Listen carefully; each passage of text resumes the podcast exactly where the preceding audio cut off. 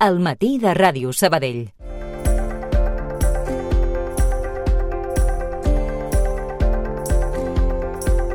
Ens desplacem fins al barri de Sant Oleguer, a l'Espai Àgora, i és que allà, dimecres, 28 de febrer, acolliran la presentació del darrer llibre del periodista, professor i escriptor Oriol Jara. Arriba a Sabadell per presentar el seu llibre, La conversa amb Déu, i nosaltres us volem fer spoiler. Bon dia, Oriol. Hola, què tal? Bon dia. Uh, doncs amb ganes de descobrir doncs, uh, aquest nou llibre no? que vens a presentar a Sabadell després de, de la teva estrena, no? que me'n recordo que l'última vegada que vam parlar ens explicaves com es va gestar 10 raons per creure en Déu i avui ens agradaria que ens expliquessis d'on sorgeix la necessitat d'escriure doncs, aquesta conversa i quin és uh, el resultat d'aquest diàleg. Eh, doncs, eh, bueno, perquè no, perquè no ho sàpiga, eh, que és possible que, que ni se'n recordin que, que em vas entrevistar, eh, el, els dos últims llibres que he fet, jo, jo soc guionista de tele. eh, fa molts anys que estic, eh, que em dedico a dirigir i a escriure programes de tele, que segurament alguns dels teus oients han vist o algun cop. Uh -huh. uh, he estat a Buenafuente, he estat al Polònia, escrivint Polònia durant molts anys, al Cracòvia i tal. I, i llavors em vaig, vaig estar, eh, diguéssim, eh, estudiant eh, la, la Bíblia uh -huh. i les religions en general durant molts sí. anys fins que em vaig convertir al cristianisme. Uh -huh. I, I el primer llibre, eh, del qual comentaves ara, sí. eh, doncs bàsicament és el procés de conversió, eh, de descobrir que el, que Déu i la Bíblia i el cristianisme té tota la lògica, coherència i raó del món uh -huh. I, i que això és un, una part del procés de conversió. Aquest segon llibre, fonamentalment, és -huh. com es pot llegir eh, la Bíblia avui perquè la gent eh, entengui i -huh. la gent vegi ells mateixos que la Bíblia parla d'ells i parla de les seves vides i parla de la seva societat i parla dels seus problemes i és una lectura teològica de, del món en el que vivim, de manera que tots nosaltres puguem salvar-nos i, i viure cristianament i viure eternament, de fet. Uh -huh perquè, Oriol, hem de dir també, a, a banda d'aquest repàs no? per aquesta trajectòria professional com a guionista en programes tan diversos, explica'ns tu també, doncs, a, vas créixer en una família no creient, no? És a dir, que, que has abraçat aquesta fe cristiana eh, quan ni tan sols entraven als teus plans. Com ha estat, doncs, a, aquesta Exacte. conversió, no?, practicar ara? Eh, què és el que t'aporta? Sí, bueno, és, és fantàstic perquè és, un, és, una gran, és una gran sort, diguéssim, de Déu, un regal a, a, a que el meu testimoni sorgeixi d'una família no, no creient, perquè, perquè jo no vaig, quan, quan jo em vaig posar a buscar a Déu, diguéssim, amb la seva ajuda, eh, jo, jo no esperava necessàriament arribar al cristianisme, ni molt menys. -huh. No tenia cap prejudici de quina era de, de, de quina manera sí. Déu s'havia relacionat amb nosaltres, no? Uh -huh. I, I vaig passar per, per diverses eh, tradicions, uh -huh. costums, i, i al final la, el gran descobriment d'això, i, que, i que és una de les parts claus de la conversió, és que una, un cop has passat per, per diverses religions i has conegut, has llegit, has estudiat durant sí. anys, eh, durant 15 anys, um, te n'adones que tot el món està ple de religions, d'acord? N'hi ha moltíssimes, però, però, el, però el cristianisme no és una religió. Mm. I, I això és fantàstic, en realitat, perquè és una, és una troballa que evidentment va, va ajudar-me en aquest camí de conversió. Bàsicament ho dic perquè sí? les, tot, tot, tot, totes les cultures antigues han buscat a Déu, mm. perquè sabem, els éssers humans, instintivament, que hi ha alguna cosa transcendent i, i ho tenim a dintre el cor, és així. Mm. I totes les cultures han sigut han sigut teïstes, han cregut en déus locals, han cregut en, en ídols, han cregut en divinitats, en coses. I totes les religions es fonamenten en una estructura que és eh, igual a tot arreu, que és Déu, està, és, és molt gran, és molt poderós, és magnífic, és santíssim, està mm. molt lluny de nosaltres, i per tant hem de fer tot de coses a la vida per intentar arribar a això, no? Si vas al budisme, doncs, doncs has d'aïllar-te de, de les coses terrenals per poder elevar el teu esperit fins a Déu. En l'hinduisme has d'anar passant vides, vides i purificant-te a través de reencarnacions fins a arribar a Déu. En l'islam has de fer com coses molt rutinàries cada dia i no consumir certes coses i tal per poder arribar a Déu, per purificar-te, no? La idea és purificar-nos fins a arribar a Déu. En el cristianisme és la única d'aquestes tradicions, d'aquestes relacions amb la divinitat en les quals Déu no espera de nosaltres que ens purifiquem fent coses per arribar fins a ell, uh -huh. perquè sap que és impossible, sinó que ell, per primer cop a la història, s'ha fet home, ha baixat fins a nosaltres i a través de la seva mort ens ha rescatat per portar-nos a tornar a ser família de Déu, no? No a través de les coses que nosaltres podem fer, sinó que ell mateix ha fet totes les coses que nosaltres no podem fer -huh. per tornar a reconciliar-nos amb Déu i ser família seva, que és el pla original. Llavors, quan et trobes això, després d'anys de buscar, és tan fascinant que, que se t'atura tot. L'ànima, el cor, el cervell, eh, et quedes absolutament bloquejat de veure que, a més, totes les tradicions religioses fan referència a Jesús i Jesús només fa referència a ell mateix. No? És, és tan fantàstic que, que no pots fer altra cosa que enamorar-te i decidir viure de manera que la teva vida eh, sui Crist, no sui Evangeli.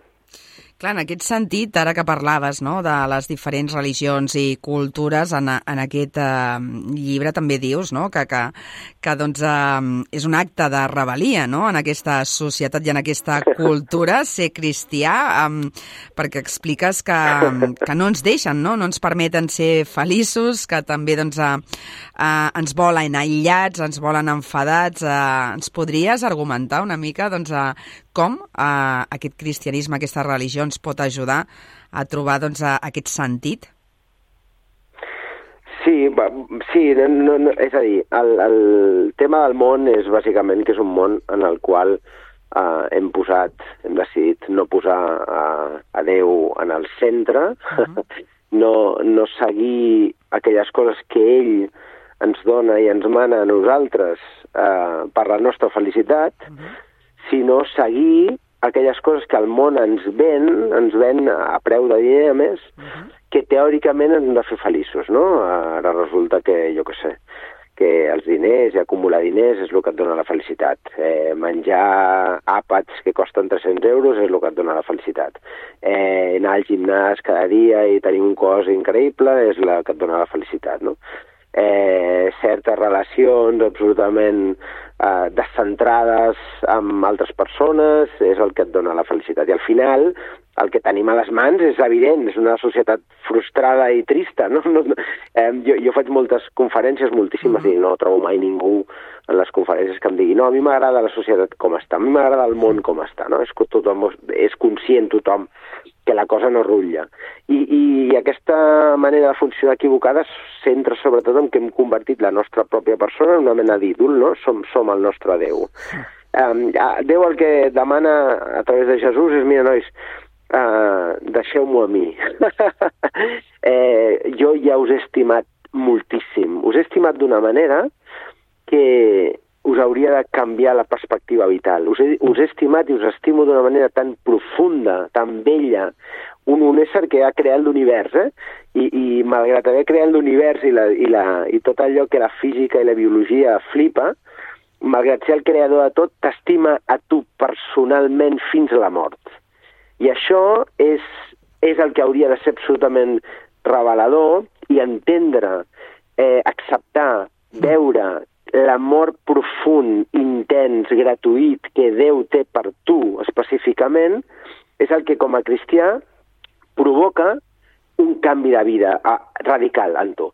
Un canvi de vida que suposa que els altres estan per davant teu, que la teva dona, el teu marit, els teus fills eh, no són una cosa és teva, sinó que tu estàs al servei d'aquestes persones. Que tu a la feina, que tu a l'empresa, que tu amb els teus treballadors o amb el teu jefe, t'has de comportar sent conducta d'aquest mateix amor que Déu t'ha donat gratuïtament, gratuïtíssimament, malgrat ser... Uh, L'exemple de Jesús és... Jesús és Déu uh -huh. i ve a nosaltres a servir-nos. Per tant, quan tu entens mínimament l'enorme i gratuïta amor que Déu té per tu específicament, no hi ha altre remei que canviar la teva vida i, i transmetre aquest amor que un ésser tan perfecte té per tu a, a les persones del teu voltant. És fonamentalment és això, eh? rendir-te a Jesús i, i viure uh, d'acord amb l'amor que ell té per tu. Mm.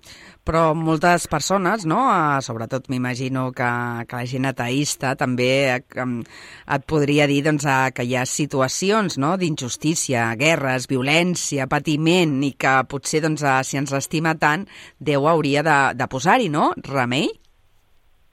Sí, la, la, aquesta és una imatge que, que, és, que és equivocada, diguem, de, de, base, però que entenc perquè és, és molt, molt comuna. El tema no és que Déu ens estigui empenyent cap al precipici. El tema és que nosaltres ens empenyem cap al precipici i Déu estén la mà per rescatar-nos abans que caiguem un per un. Però el món és un lloc terrible. Eh, eh, la, la Bíblia i Jesús és absolutament honest amb com és el món, no? És un món, diu la Bíblia, és un món caigut, no, no entrarem ara en te temes teològics, però bueno, al final el concepte que és un món caigut és evident per qualsevol persona que visqui en aquest món, no? La maldat és rampant, l'horror és rampant, i no només eh, en els altres, eh? La maldat i l'horror és rampant en nosaltres. Crec que és una cosa molt important i molt cristiana. Els cristians no som aquells els que diem, que diem menys mal que nosaltres com a cristians som bons i el món és un desastre. No, no, els cristians som els primers que diem jo sóc un problema pel món, no? I per tant, eh, el món és un lloc horrible, insisteixo, no perquè Déu eh, ens castigui, sinó perquè el món el fem horrible nosaltres com a persones en la nostra sobirana llibertat que tenim. I Déu el que fa és dia rere dia exhibir senyals i estirar la mà per treure'ns, per rescatar-nos, i moltíssima gent que es converteix comença a viure de manera diferent mm. i fa el món una mica més com hauria de ser el món que Déu volia per nosaltres des de la creació. No? Per tant, és important entendre que no, que no és com Déu que ens castigui, sinó que el món és cosa nostra, que ell el que fa és intentar rescatar-nos canviant-nos el cor i, i, i donant-nos la llibertat que nosaltres tenim per ser d'una manera o ser d'una altra, no? i això és, eh, és, és fonamental. Uh mhm. -huh. Aquesta llibertat per triar, no? Um, llegint i preparant aquesta entrevista vaig veure que fins i tot deies que, que el que Cris ens demana és una cosa tan punky com ser antisistema. sí, sí, clarament, Cl claríssimament. Tu, hi, hi ha... El, el món, tal com és, té unes normes que, que Jesús capgira. Diguéssim, quan, quan ell ve al, al, al nostre món, quan Déu es fa home, eh, crea un conflicte gravíssim amb la, en la societat en la que està, perquè ell el que ens demana precisament és això que deies tu, si és que és literalment el que deies tu, no? Tu deies al món passen coses horribles, no? És com, sí, clar, per això Jesús ve, perquè, perquè no visquem el món com el món, com estem veient que es viu no? avui en dia i a la seva època. Eh, un món on hi ha gent que, que és malvada i també hi ha gent que eh, és, es creu bona no? I, i jutja els altres des de la seva posició.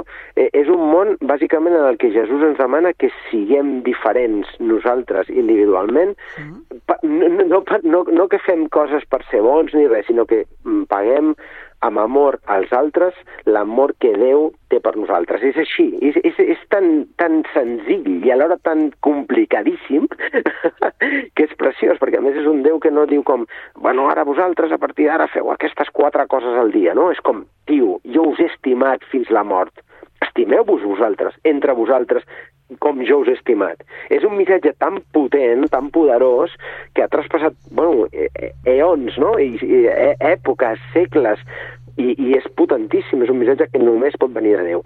I en, i en relació a això m'agradaria mm. citar una, una cosa de Chesterton, que era un filòsof eh, convers, catòlic, anglès, que, que deia una cosa que, que, que lliga les dues preguntes últimes que has fet. Ell, ell li van preguntar eh, alguna cosa així com que estan preguntant a diferents eh, intel·lectuals quins eren els principals problemes del món de la seva època, no? I Chesterton va contestar alguna cosa així com el principal problema del món ara mateix sóc jo, no? Mm.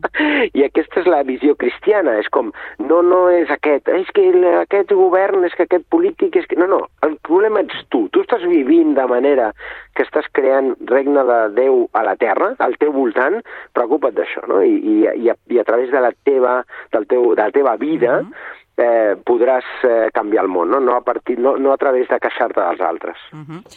Um, és interessant aquest canvi de perspectiva. Com, com ens ajudarà també doncs, el teu llibre, no? aquesta conversa amb Déu, per, per intentar doncs, uh, acostar-nos no? a, a aquest món millor, a estimar-nos d'aquesta manera, no? a canviar la nostra mirada?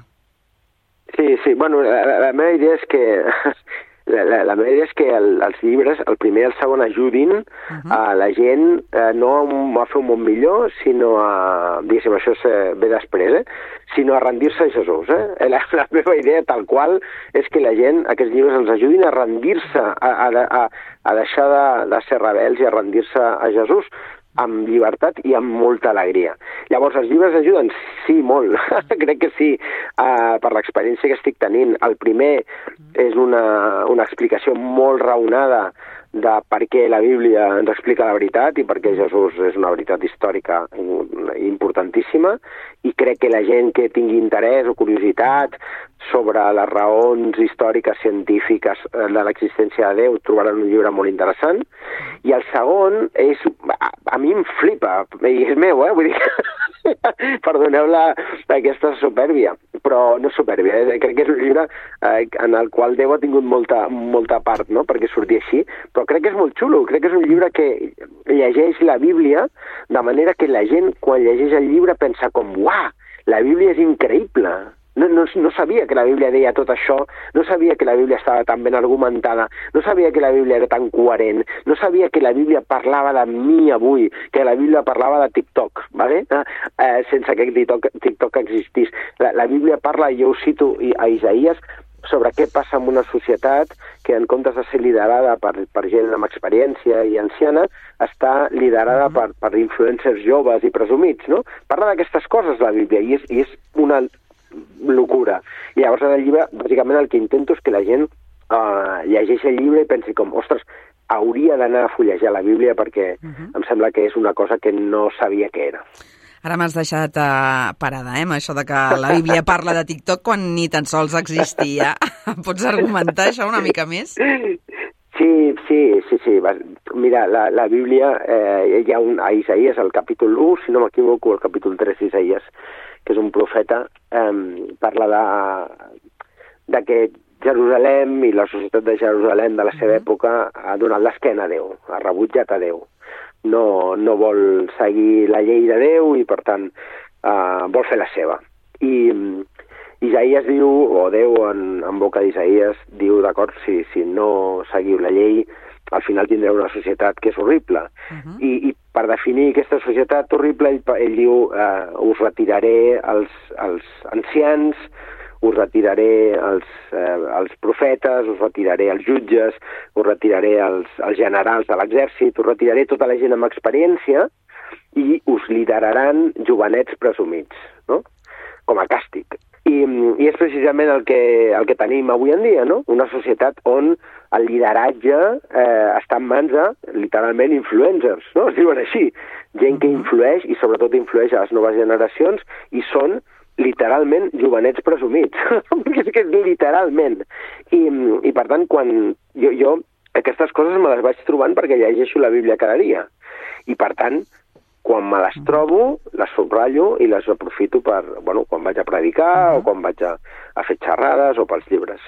Doncs a xerrades i presentacions com la de demà a l'Espai Àgora, demà dimecres 28 de febrer. Aniràs sol, Oriol?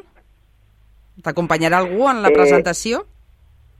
Sí, sí, estic eh, desitjant que m'acompanyi una persona que es diu Marc Aro, que uh -huh. és una persona meravellosa, una persona que m'està ajudant moltíssim, uh, que és una, un, un savi, eh, ell no li agradarà que digui això, eh, però i, i m'encantaria que estigués amb mi eh, per xerrar els dos, perquè uh -huh. quan xerrem sempre és molt interessant i sempre penso com, home, estaria bé que algú escoltés això.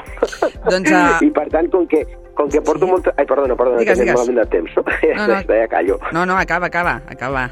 Digues, no, digues. dic que sempre que fa, faig molt, he fet moltes, moltes, moltes xerrades ja, eh, gràcies a Déu, i, i, i, i bueno, quan hi ha coses excepcionals com aquesta, doncs m'agrada estar acompanyat. Doncs uh, ja sabeu, si voleu acompanyar-los, doncs uh, demà teniu aquesta cita a les 8 del vespre. Moltíssimes gràcies, Oriol, molt bon dia. A vosaltres, molt bon dia.